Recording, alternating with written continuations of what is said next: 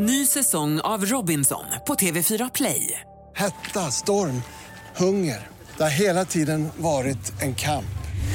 Nu är det blod och tårar. Fan händer just nu. Det. är Detta är inte okej. Robinson 2024, nu fucking kör vi! Streama söndag på TV4 Play. Podplay. Och sen utvecklas man som person. Jag kanske helt plötsligt inte tycker om träning och boxning och PT-grejer som mitt ex gjorde. Börjar du tänka de tankarna lite och känner av den känslan så tror jag någonstans att det kanske är dags att göra slut. Jag och min kille, varje gång vi har sex så slaknar han. Vad fan gör jag? Jag hade ju glasögon, jag hade tandställning. Jag var väldigt blyg och väldigt osäker när jag var yngre. Nej, alltså nej, det går- det enkla vara så svårt? Åh gud, du håller verkligen i mycket som att du är en jävla Beyoncé. Du ska se när hon sitter här. Nej, jag kan inte texten bror.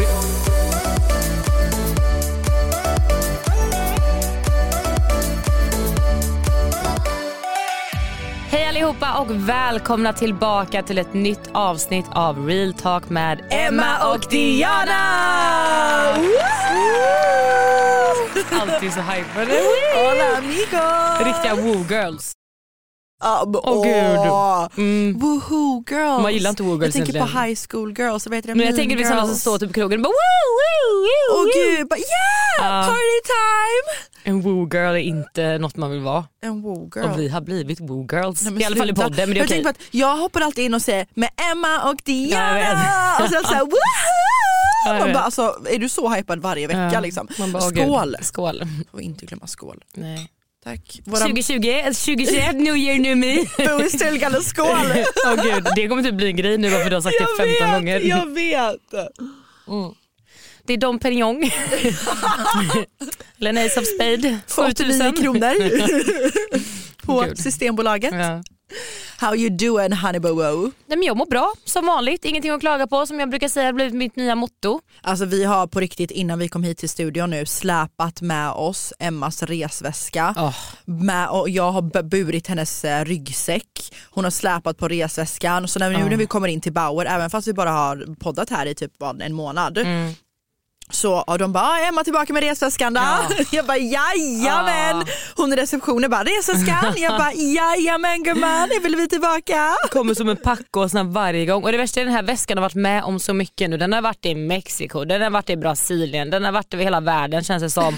Och den har varit mer i Sto- den har, men, Hela hjulet på ena nu har ju börjat gå av så det går ju inte att rulla den typ. Jag vet när du var inne i systemet skulle jag springa in till Hemköp och d- dra med mig de här hjulen. Den bara Den är jätteirriterande. Jag ska köpa en ny resväska i alla fall. Eller en flygande väska, som, eller kanske en, någonting som man kan styra med kontroll så jag slipper röra det. En det finns ju kan- sådana väskor. Det finns ju en sån du kan sitta på. Åh gud, ska jag sitta på en väska genom Stockholm? Ja, Hoppar av på centralen. Emma kommer med en resväska med ratt och kontroll och bara Ur vägen, här kommer jag! Åh gud, nej men gud. Helt erfaren. Ser du mig på rullande resväska? Nej, gud. ja, 100 procent. Det finns ju sådana man kan sitta på. kommer fan slå ihjäl Och så det trycker snö. du så start och stopp och så har du så laddningsuttag och sånt Det i varit så resväskan. skönt. Ja, du reser ju fram och tillbaka till Stockholm hur mycket som helst. Det hade faktiskt varit jätteskönt. Ja, nog om min resväska. Mm. Nog om det är din bara fem resväska. minuter senare. Still talking about the suitcase. Five minutes later. Ja verkligen så. Nej men resväskan.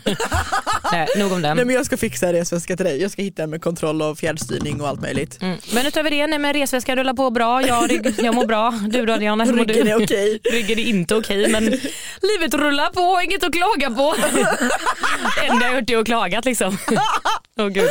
Rullar på hjulen Ja. resväskan fattar du? Åh gud. Ja, ja, okej. Ta tillbaks det. Ja, okej. Så jag tillbaka det. Ja. Ja, Hur mår du?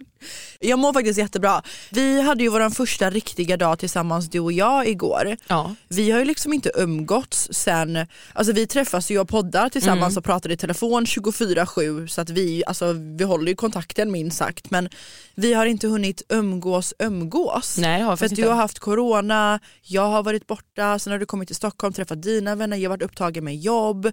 Jag och Emma hade plåtning i underkläder igår. Ja, det kändes som vi skulle spela in en porrfilm. Diana bara satte upp så här studiolampor vid sängen och bara här jag har lagt fram outfits till oss. Jag bara okej.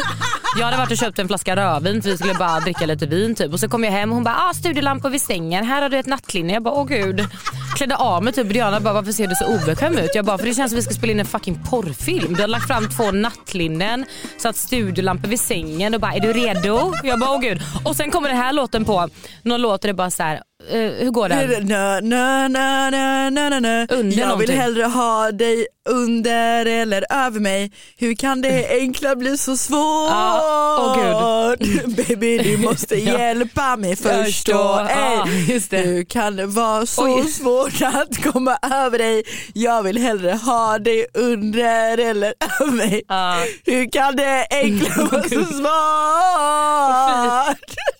Åh gud. Ja ni förstår ju känslan när man kommer Kan du in inte då. försöka sjunga lite seriöst? Vänta. Du måste hjälpa mig förstå. Okej vänta, kolla inte på mig, vi kollar ifrån Okej. varandra. Okej, Vänta, Vi sjunger tillsammans. Okej? Okej, ett, två, tre. Hur Hur, kan kan, du- du vara över eller under mig?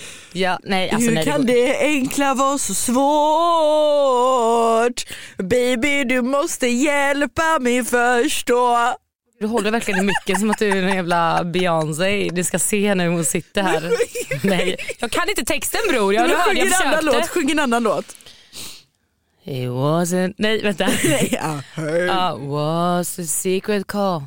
The day you prayed and you pleased the Lord, but you don't really care for music, do you? When it goes like this, the fourth, the fifth, the minor fall and the major lift, the baffled king hallelujah. Åh gud, nej det är vidrigt. Det räcker. Kommer få tinnitus för fan. Tänk på den producenten. Åh gud de gick förbi Vi sitter och blundar och håller i micken och bara oh yes. De bara åh gud, sitter vi med bubbel också. De bara vad är det här för människor som vi har tagit in i vårt hus liksom. Men men, vi båda mår bra, vi har haft bra vecka, vi har mycket att se fram emot. Vi har konstaterat att vi ska aldrig släppa musik. Jag behöver en ny resväska. Yes, yes.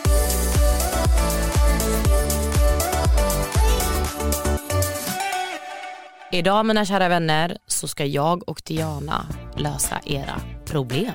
Problem, problem. Fan, okej. Nej men vi hade ju tänkt att vi ska lösa era problem då va? Mm. Så att eh, vi har ju lagt upp på Instagram att eh, vi eh, vill att ni skickar in alla era problem. Och jag har faktiskt fått in en hel del. Det första problemet vi har fått in då, det är vad ska jag göra för att sluta attrahera bad boys eller killar med psykisk ohälsa?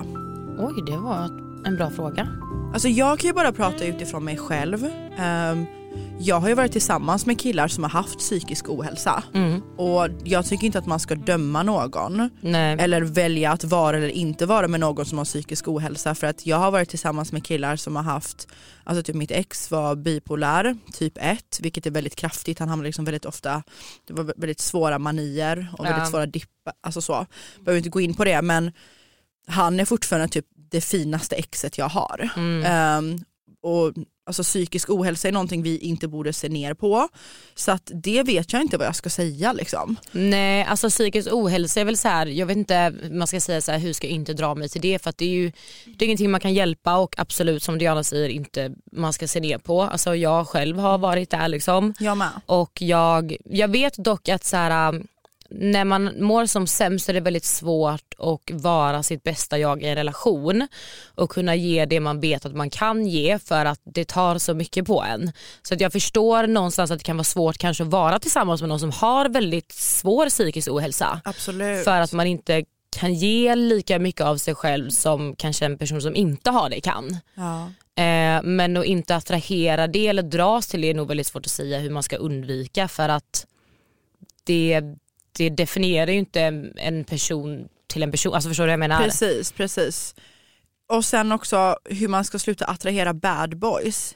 Jag tror hon menar bad boys, fuckboys. Ja. Um, alltså mitt bästa tips till dig i det fallet det är att sätta krav, sätt standard. Mm. Det har jag märkt nu under de här åren där jag har varit singel och typ försökt att dejta runt att så här, ser jag en röd flagga nu som till exempel att ehm, han är kall när han är med sina vänner. Eller det går vissa dagar då han inte svarar. Um, eller han är on and off. Ja, han, han är kall ena sekunden, sen kärleksfull andra. Då är jag, mitt bästa tips till dig då, om, om någon av er är i den situationen och ni inte vill dra till er killar som kanske bara, ni kanske inte vill ha one night stands, ni kanske vill ha någonting mer, ni kanske mm. gillar personen. Det är att sätt krav. Säg till honom, jag har känslor för dig, kanske inte första dejten men om ni har träffats några gånger, bara jag tycker om dig och jag hade velat börja dejta dig, vad känner du? Och ibland är det bara bra att vara rakt på sak och inte köra den här katt och råtta-leken. Sätt dina standards. Svarar han inte helt plötsligt när han är ute och festar en dag och skiter i dig och dissar dig när ni ska träffas eller whatever, säg att det inte är okej. Börja sätta standard för hur du vill bli behandlad och fel killar kommer automatiskt dra sig ut ur ditt liv då. Mm. Ja exakt, jag tror det handlar om att verkligen så här, känner du av att någonting inte känns bra och du får uppfattningen av att han är en så kallad bad boy, hur man nu definierar det. Det ska aldrig kännas så, man ska inte behöva känna så och säger du ifrån då och säger så här, men det här, jag tycker om dig, jag tycker inte att det här känns bra, att han pratar med andra tjejer eller whatever och han svarar med att så här, ja men sluta vara så osäker, kasta. Alltså mm. faktiskt, för du ska aldrig behöva känna den osäkerheten. Så, nej 100%, jag håller 100% med dig men jag känner bara vissa kan också vara osäkra om killen har tjejkompisar, om han råkar likea någons bild. Sådana grejer, det är ju helt ifrån förhållande till förhållande. Jag kan inte säga vad jag tycker är rätt och fel. Jag tycker det är okej att min, killkomp- alltså min, min blivande man har tjejkompisar och är ute och festar. Vissa mm. kanske inte tycker det.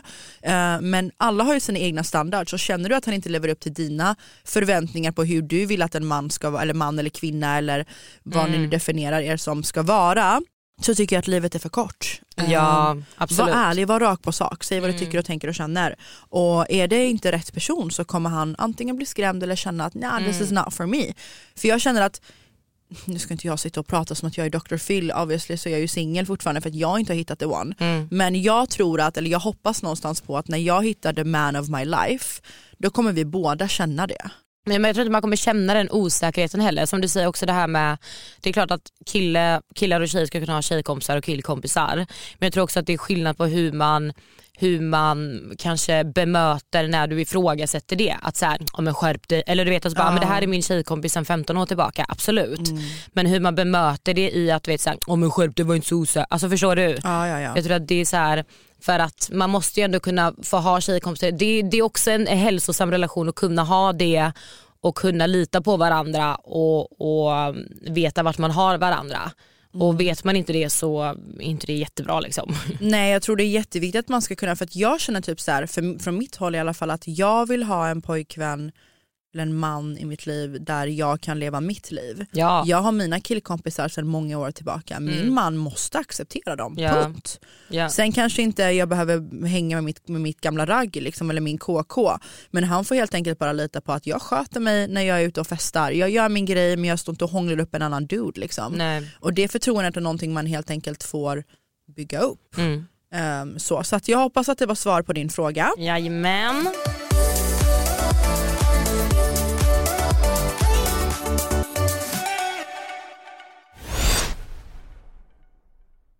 Ny säsong av Robinson på TV4 Play. Hetta, storm, hunger. Det har hela tiden varit en kamp. Nu är det blod och tårar. Vad fan händer just nu? Det. detta är inte okej. Okay. Robinson 2024, nu fucking kör vi! Streama, söndag, på TV4 Play. Ett poddtips från Podplay.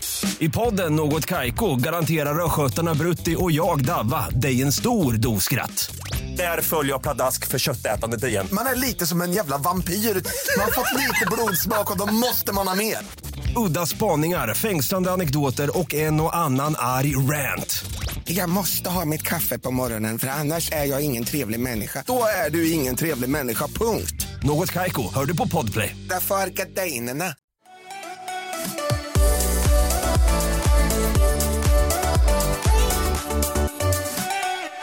Då ska vi se här då. Då tar vi nästa problem. Är det mitt fel att mitt ex tappade känslor? Vet inte vad jag har gjort för fel och jag mår jättedåligt. Oj. Gud gumman jag beklagar. Verkligen. Jag vet hur det känns. Mm. Alltså det där ska man aldrig bli med sig själv för tycker inte jag. Ehm, jag själv har varit i den situationen och det är, jag kan tänka mig att det är jättemånga som har varit i den situationen. Jag själv har blivit dumpad för att mitt ex har tappat känslor. Jag har själv dumpat Eh, en kille för att jag tappade känslor. Eh, och ofta så handlar det, tror jag, mer om personen i fråga som kanske gör slut. Att den antingen inte var redo för en relation, eh, kanske inte var på rätt plats i livet, inte kände att den kunde ge det den ville ge i en relation. Alltså varför jag gjorde slut med mitt ex var att jag först tappade känslor och Det tror jag handlar om att jag inte var redo för en relation känslomässigt. Och att jag hade så mycket runt omkring som tog min fokus och som jag ville satsa på. Till exempel jobb, eh, vänner, alltså karriär och jag kände inte att det var rätt tidpunkt för mig att ha en relation. Och det handlar inte om att han var en dålig kille eller att han behandlade mig dåligt utan snarare bara att jag inte var redo att ha en relation. Och ibland så tror jag att det handlar om oftast om att jag tycker inte att du ska känna att du har gjort något fel eller att det var något fel på dig för antagligen handlar det bara om att han inte var redo att ha en relation och inte att det var du som hade gjort något fel i relationen. Precis, jag har också varit där där jag har blivit dumpad av killen jag trodde verkligen var mitt livs kärlek.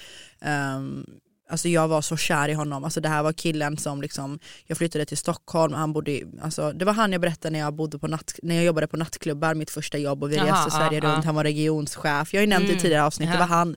Vi flyttade ju, han flyttade från Örebro hem till mig i Göteborg, sen flyttade vi tillsammans till Stockholm, köpte en 7-Eleven, började driva företag ihop, helt plötsligt så tappade han känslor. Typ två månader efter att min mamma hade gått bort blev jag dumpad av honom, liksom, killen jag trodde var the love of my life. För att han var bara inte där. Nej.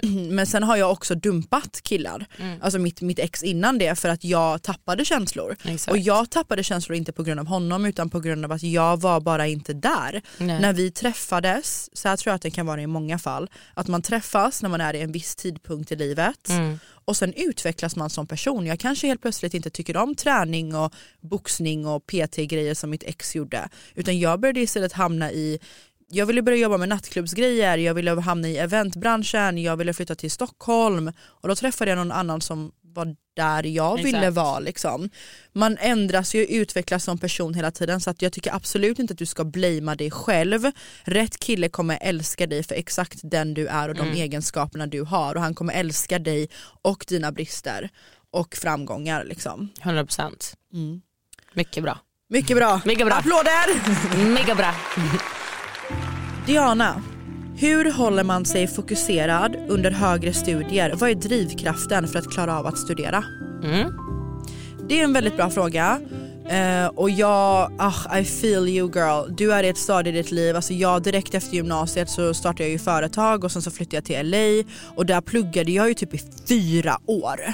Det är länge. Det är jättelänge, speciellt i den åldern jag var för att det var inte direkt efter gymnasiet.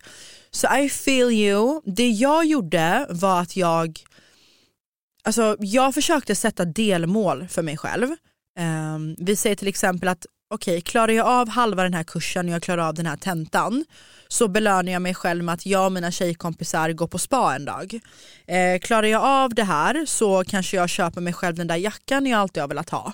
Eh, klarar jag av det här, då gör jag det här och det här och så försöker jag bara räkna ner. Mitt bästa tips till dig är att när du studerar, sitt då i 45 minuter intensivt och studera. Skriv inte, vi säger att du ska öva in någonting inför en tenta. Skriv inte ner det på datorn. Läs inte bara boken.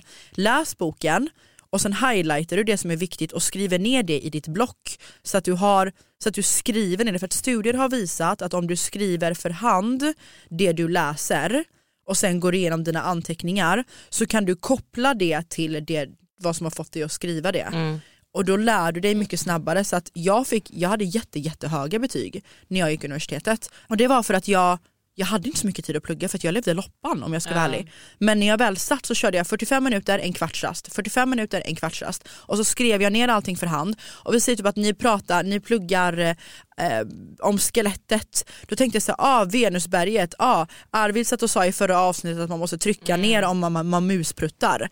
Så om Venusberget kommer upp, då kopplar jag det till Arvid och muspruttar. Ja, Hänger exakt. med? Så försök att koppla det till någonting. Mm. Det är mitt svar. Mycket bra svar. Tackar. Tack. Mega bra. Tack, tack. Okej, då kör vi nästa problem eller nästa fråga. Vad ska man göra om man inte vågar fråga om hjälp med sitt mående.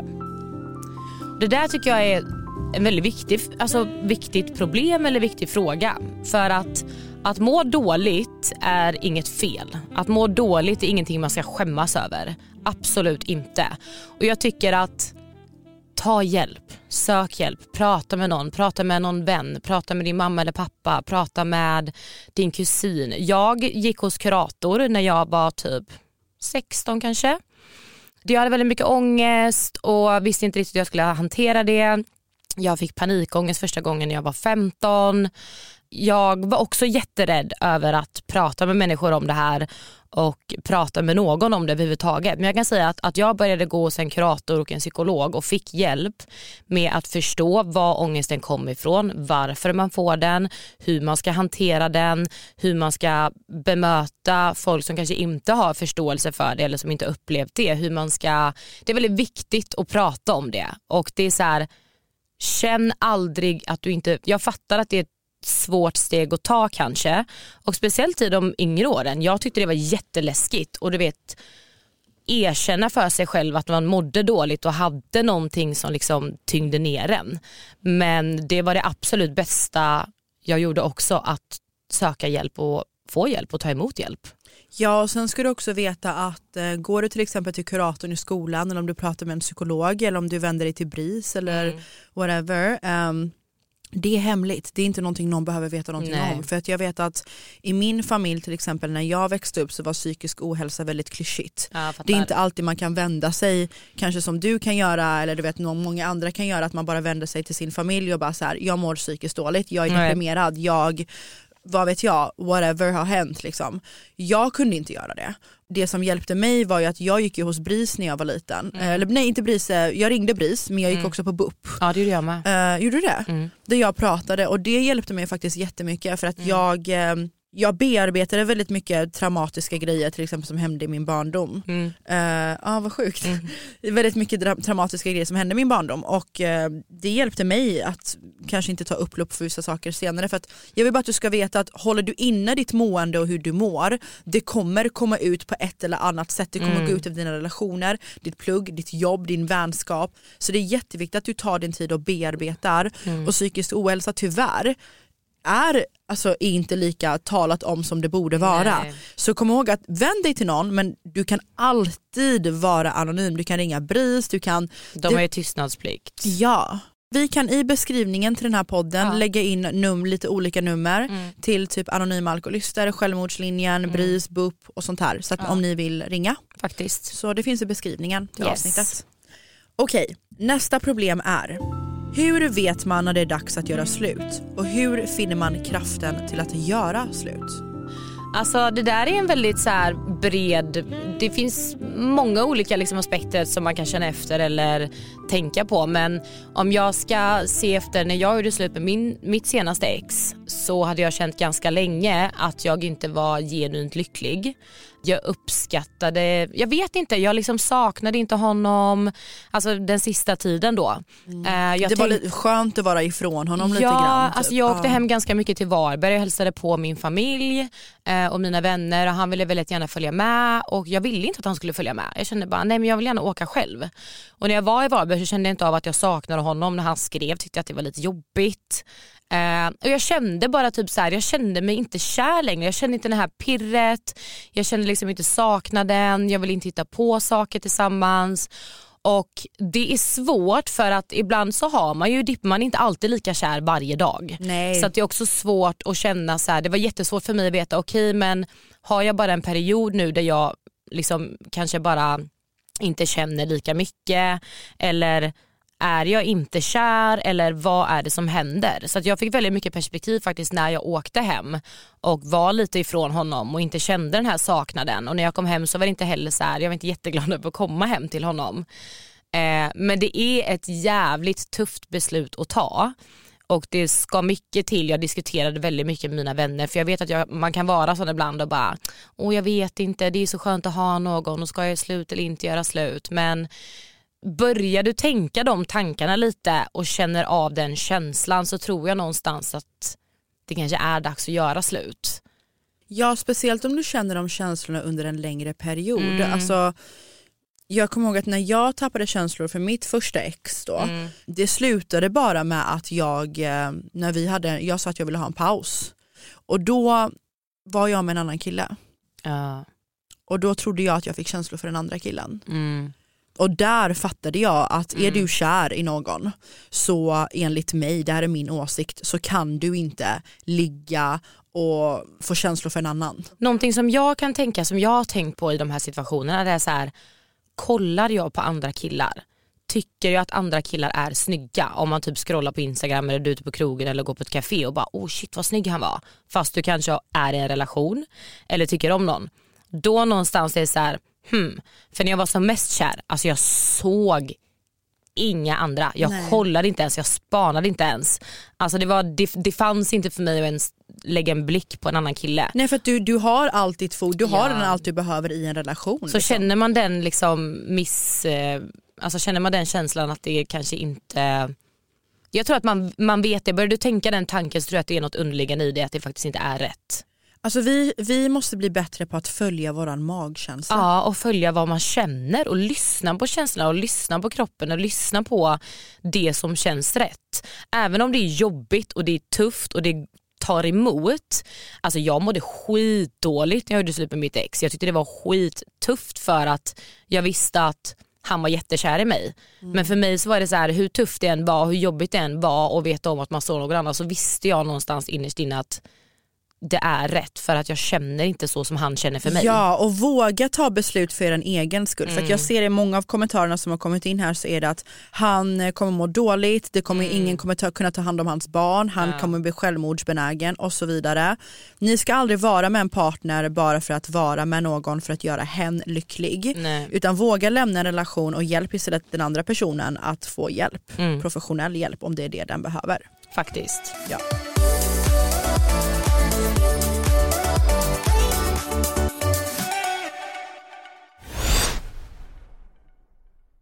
Ny säsong av Robinson på TV4 Play. Hetta, storm, hunger. Det har hela tiden varit en kamp. Nu är det blod och tårar. liksom. Fan händer just nu. Det. är Detta är inte okej. Robinson 2024, nu fucking kör vi! Streama söndag på TV4 Play. Ett poddtips från Podplay. I podden Något Kaiko garanterar östgötarna Brutti och jag, Davva, dig en stor dos skratt. Där följer jag pladask för köttätandet igen. Man är lite som en jävla vampyr. Man har fått lite blodsmak och då måste man ha mer. Udda spaningar, fängslande anekdoter och en och annan arg rant. Jag måste ha mitt kaffe på morgonen för annars är jag ingen trevlig människa. Då är du ingen trevlig människa, punkt. Något Kaiko, hör du på Podplay. Därför är gardinerna.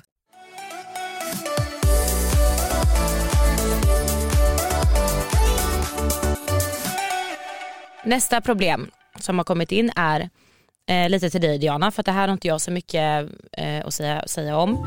Eh, som Iran Diana, hjälp mig lösa. Det är kulturkrockar i mitt förhållande för att han är muslim. Alltså det där är ju väldigt svårt för att du kan ju vara iranier och vara muslim. Du kan ju också vara iranier och vara zartosht. Du kan ju också vara iranier och vara kristen. Um, Vad var det andra du sa? Sar- zartosht det är att du tror på de mm, fyra elementen typ. Okej, ja. Ehm, så du kan ju vara lite av allt möjligt. Vi har ju persiska judar. Jag antar att i hennes fall då, eller han eller hon, att personen i fråga är kristen låter Ja. det som. Och att, är det en kulturkrock ifrån hans familjs håll eller är det en kulturkrock ifrån henne? ja, det framgick inte. Jag tror bara det krockar någonstans i att de har olika kulturer. Ja, jag förstår. Alltså jag tror att är det att familjen har problem med att ni kommer från olika religioner, jag förstår det. Mm. Men någonstans också så måste du leva för dig själv tycker jag. Ehm, du måste väl någonstans känna, är du superreligiös och känner att eh, det krockar med din religion och vad du vill i ditt liv, då kanske det är en tankeställare för dig. Eh, jag i fråga kommer från en familj som är både muslim och kristna. Min mamma var väldigt kristen, min pappa är buddhist med min, med min styvmamma som har varit i mitt liv halva mitt liv och som är som min mamma. Liksom. Eh, hon är muslim, bär slöja och allting. Ja. Nu är min familj väldigt öppna med så, spelar ingen roll så men Men jag kan tänka mig att hade det varit ett problem för min familj så hade jag gett dem tid till att acceptera den här personen och kanske försöka bevisa för dem att det här är inte bara en person jag dejtar, vi älskar varandra. Ja. Det här är en person jag vill skaffa barn med eller som jag vill leva mitt liv med, som jag vill köpa hus och in, som delar mitt liv med. Exakt. Och accepterar inte familjen det så måste väl du någonstans göra ett val där du känner att i slutet av dagen så är det du som ska leva ditt liv. Mm. Du är den som kommer vakna med hen, du är den som kommer gå och lägga dig med hen, du är den som kommer skaffa familj eventuellt med hen. Du måste känna vad du tycker är värt. Känner du att din familj kommer lämna dig på grund av det, ge det lite tid, se om de hade kunnat acceptera det. Ta din mamma eller pappa åt sidan och prata med personen och säga att du jag älskar verkligen den här personen, jag kan inte hjälpa vem jag har blivit kär i. Eh, är det att hans familj har problem med det, försök att kanske träffa mamman. Eh, ring mamman du och fråga om du och mamman kan träffas själva. För att jag har haft vänner som har haft problem med de här kulturella krockarna. Mm. Där de har varit, den ena har varit shia, den andra har varit sunni-muslim. Eh, det är två olika inom Ja, så. Mm. Eh, en har varit shia, en har varit sunni och det har liksom inte gått ihop i deras fall. Men där har min tjejkompis då träffat mamman till den här sonen då och träffat henne och de har liksom bildat ett slags band. Mm. Eh, Så testa göra det, det är en svår fråga att svara på. Ja. Men jag tycker att du någonstans innerst inne borde leva för dig och vad du vill och vad du tycker om. Om du känner, om du är säker på den här personen Ja. och är redo att gå in i den här, inte striden men den här processen. Ja. Eh, för du ska göra det du är lycklig av i slutet på dagen. För att nu mina vänner i det här fallet som, är en, som, som hade den här kulturkrocken, Mm. de lever idag lyckliga och har tre barn tillsammans. Pappans eh, sida av familjen är inte så nöjda, de har ingen kontakt. Men med tjejens familj så har de jättebra kontakt. Mm. Och så jag tror att det är någonting vissa familjemedlemmar ibland behöver eh, svälja. Liksom. Ja. Att de behöver tid till att och processa det. bemöta liksom och bara få, få marinera det lite innan. Att många gånger så tror jag att oavsett att man, det är i alla fall kanske värt att ge en chans och låta föräldrarna få smälta det lite om du känner dig säker på din sak. Kan jag tänka mig. Sen så såklart vissa är väl väldigt hårda och strikta i vad de står för och står fast vid. Liksom. Mm. Mitt bästa tips är väl typ visa att ni är seriösa och visa att det här verkligen är vad du vill. För att i slutet på dagen så tror jag att din familj vill att du ska vara lycklig. Exakt.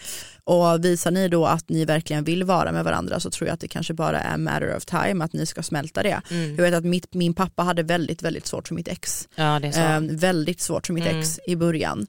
Det tar lite tid, Mm. precis som att det var väldigt svårt för min pappa att jag var med i Paradise Hotel. ja. Det är jättemånga som har frågat hur min familj tog att jag var med i Paradise Hotel och min pappa tog det inte alls bra. Nej. Han ville inte prata med mig de första veckorna för att han var såhär, vad fan är det du sysslar med? Är du med i ett tv-program där du super och dricker? Liksom.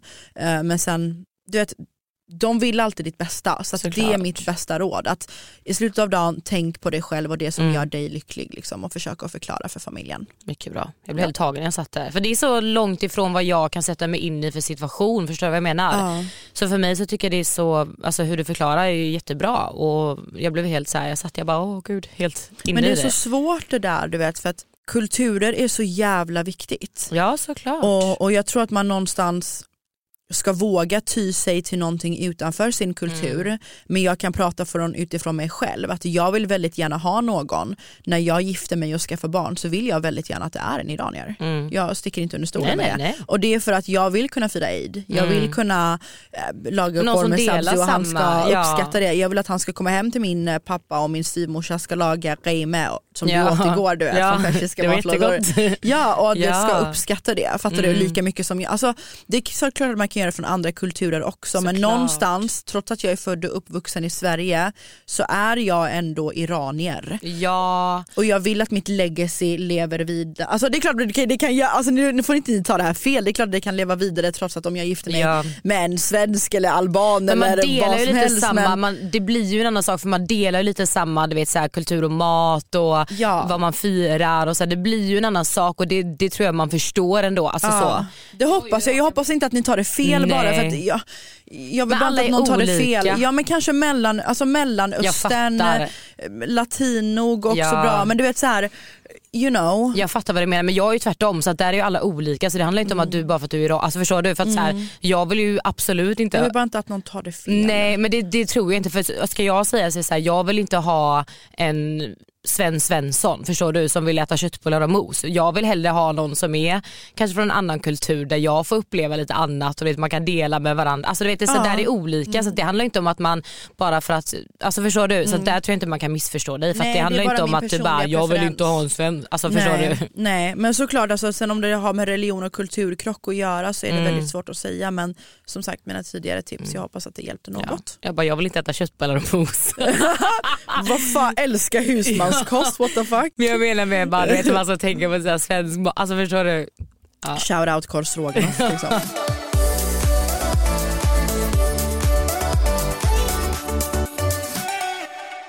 Okej.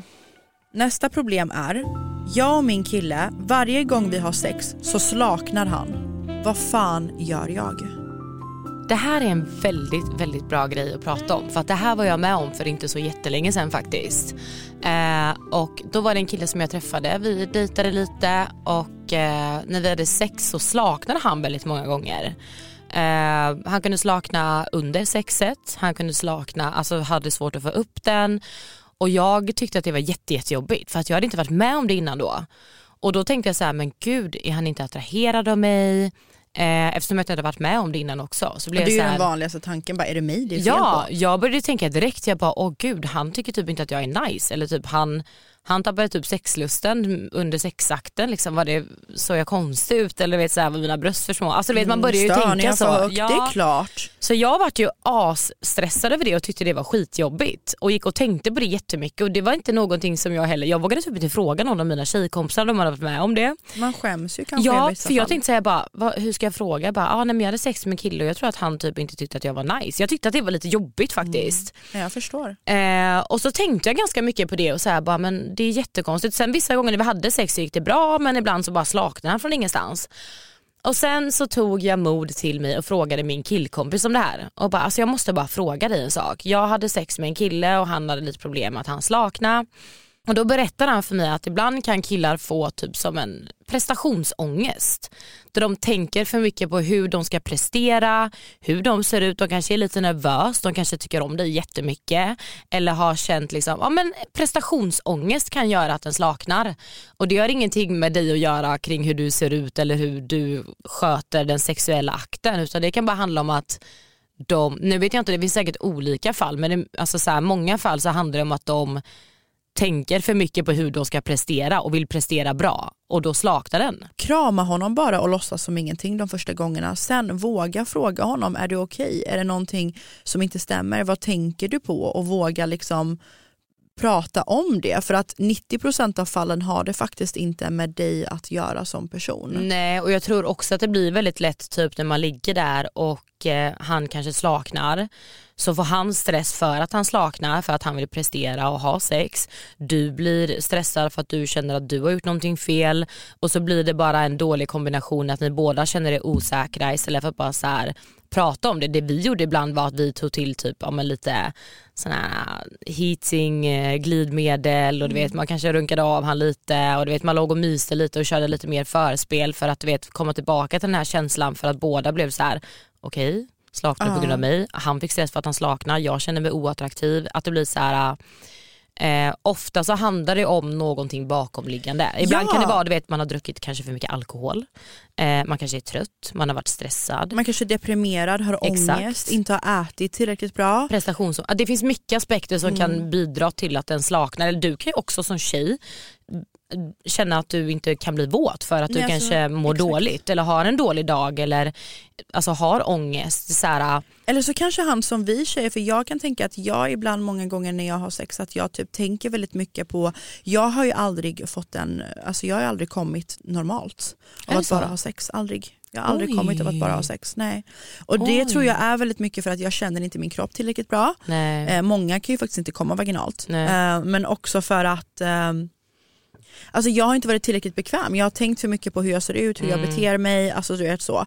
Eh, men sen också, alltså, gå in på typ Intima och Mm. köp hem lite sexleksaker. Ja. Alltså typ, eh, de har ju jättemycket så här vibratorer, så här satisfiers och sånt. De har ju en, alltså man kan ju ha en liten vibrator Mm. som, eh, alltså blir han slak kan du bara dra fram den ur nattduksbordet och bara så här. Han får köra lite på dig, hänger Ja, du med? Komma alltså jag in tror i att det- stämningen lite. Det- Ja det handlar mycket tror jag om typ så här.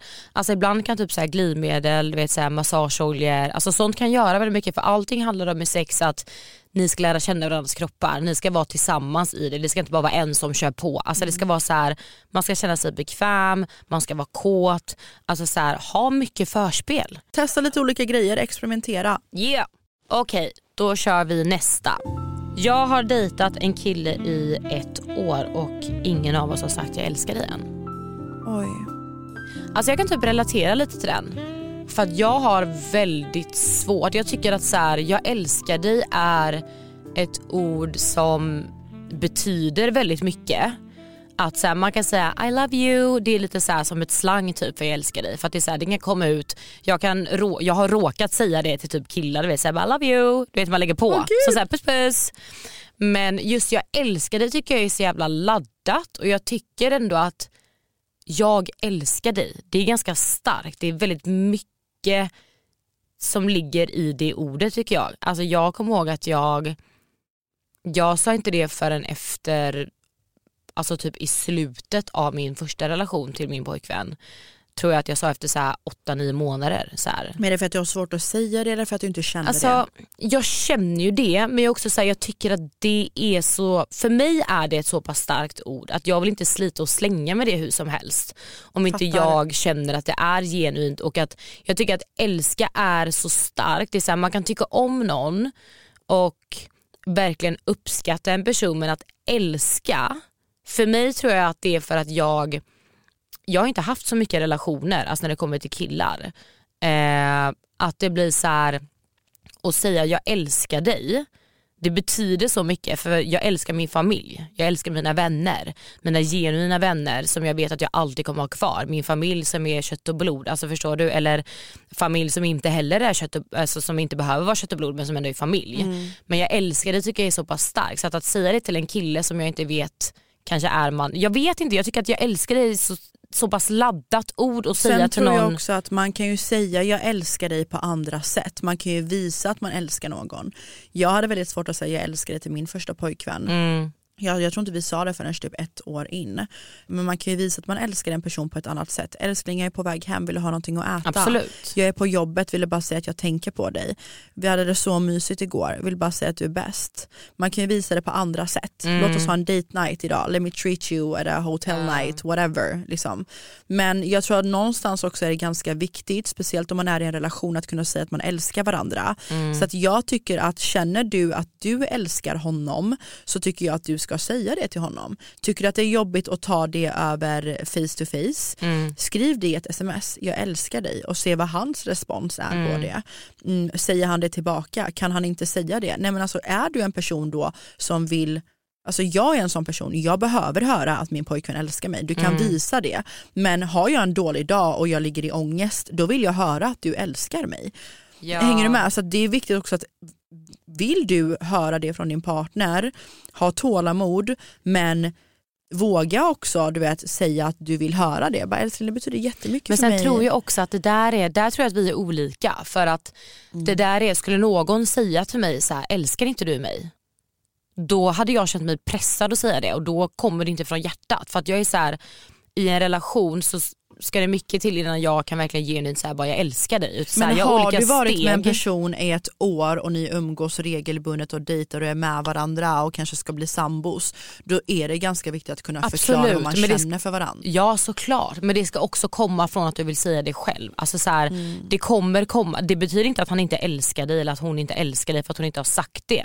Men jag tror att väldigt många personer Nej, har väldigt inte. svårt för att kanske du vet, jag vet inte beroende på vad man har gått igenom innan, vad man har haft för relationer innan. Det kan ta längre tid för andra, alla, alla använder det ordet olika. Vissa säger det efter tre månader och känner så här, jag älskar dig. Mm. Och vissa kanske det tar längre tid för ett år är ganska länge, absolut.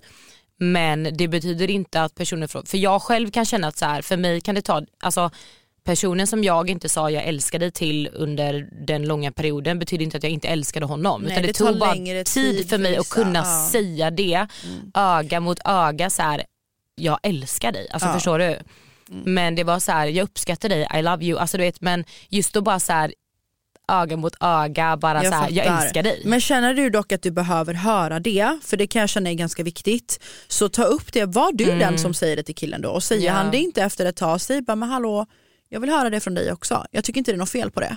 Alltså fel med att säga så. Nej. Jag vill höra det från dig också. Har man varit med en person i över ett år, Mm. alltså, då kanske man vill höra det. Liksom. Så att då, nej men alltså vadå, jag Mm. Ja. tycker att visst du kan ha svårt för att visa känslor men är du i en relation med någon så Ja. måste du ju någonstans också kunna säga vad du känner för personen även om du har svårt för känslor. Mm. Eller i alla fall visa det på andra sätt. Våga Mm. ha de kraven. Ja. Punkt. Tycker jag. Hen kanske behöver också höra dig säga det först innan den personen Mm. vågar faktiskt säga det själv. Bra råd. Bra råd. Hen kanske behöver höra dig säga det. Mm. Ja, okej. Jag har varit mobbad och utfryst hela min skolgång. Vad ska jag göra för att bli mer framåt och våga ta plats utan att bli rädd? Alltså, jag har haft olika roller i mitt liv. Jag har varit den som har varit populär i skolan.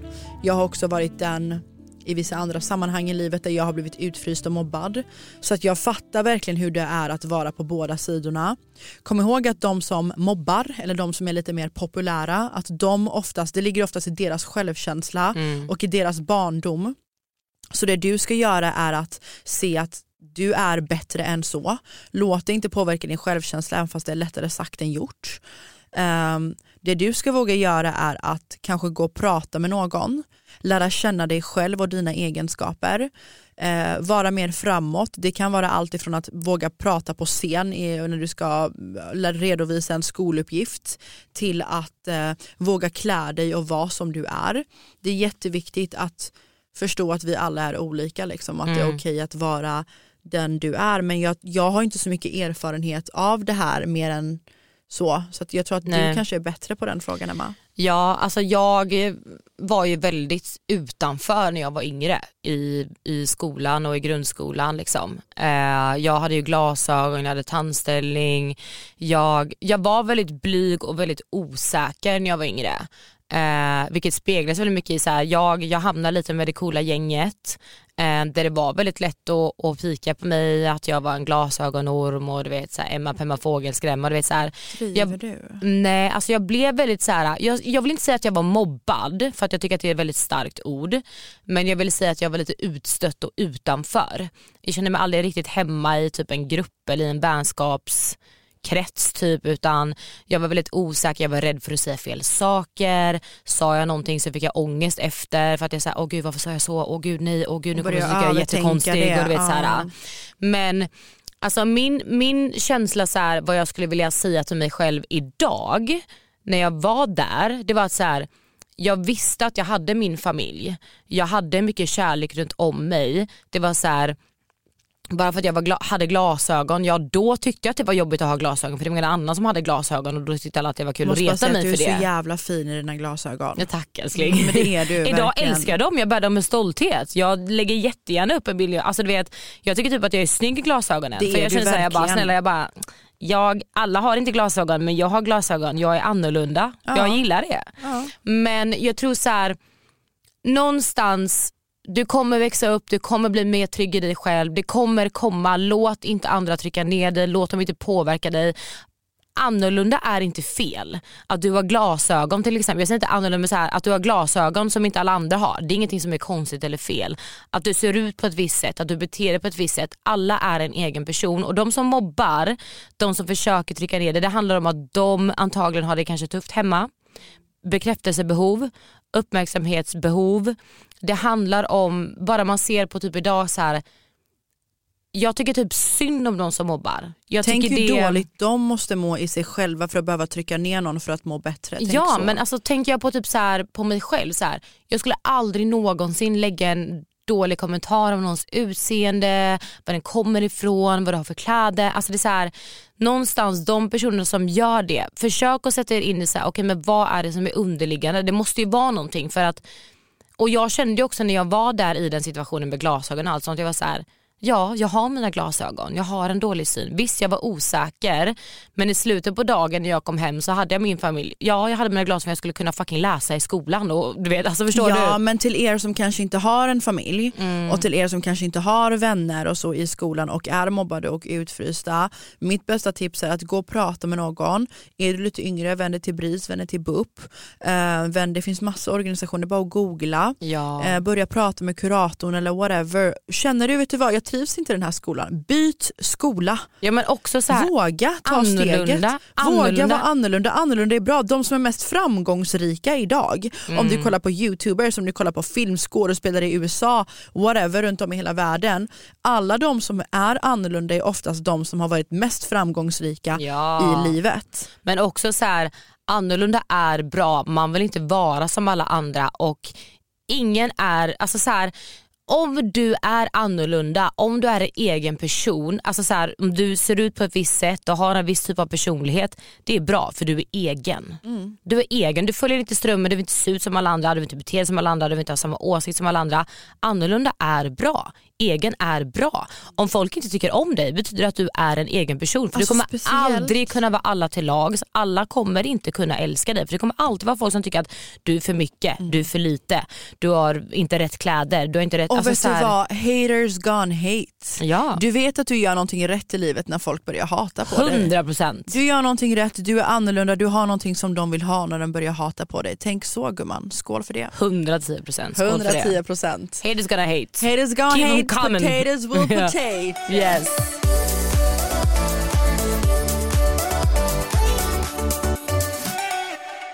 Nej men jag känner att vi rundar av avsnittet Ja. för idag. Det var givande att se och försöka. Alltså så här, jag blir typ ledsen men ändå inte när folk skriver in sina problem om du är så här, jag mår dåligt eller killar hit och dit. Och så här, det är oftast inte ett problem. Det går alltid att hitta en lösning på det. Det går alltid att försöka hitta en utväg i allting.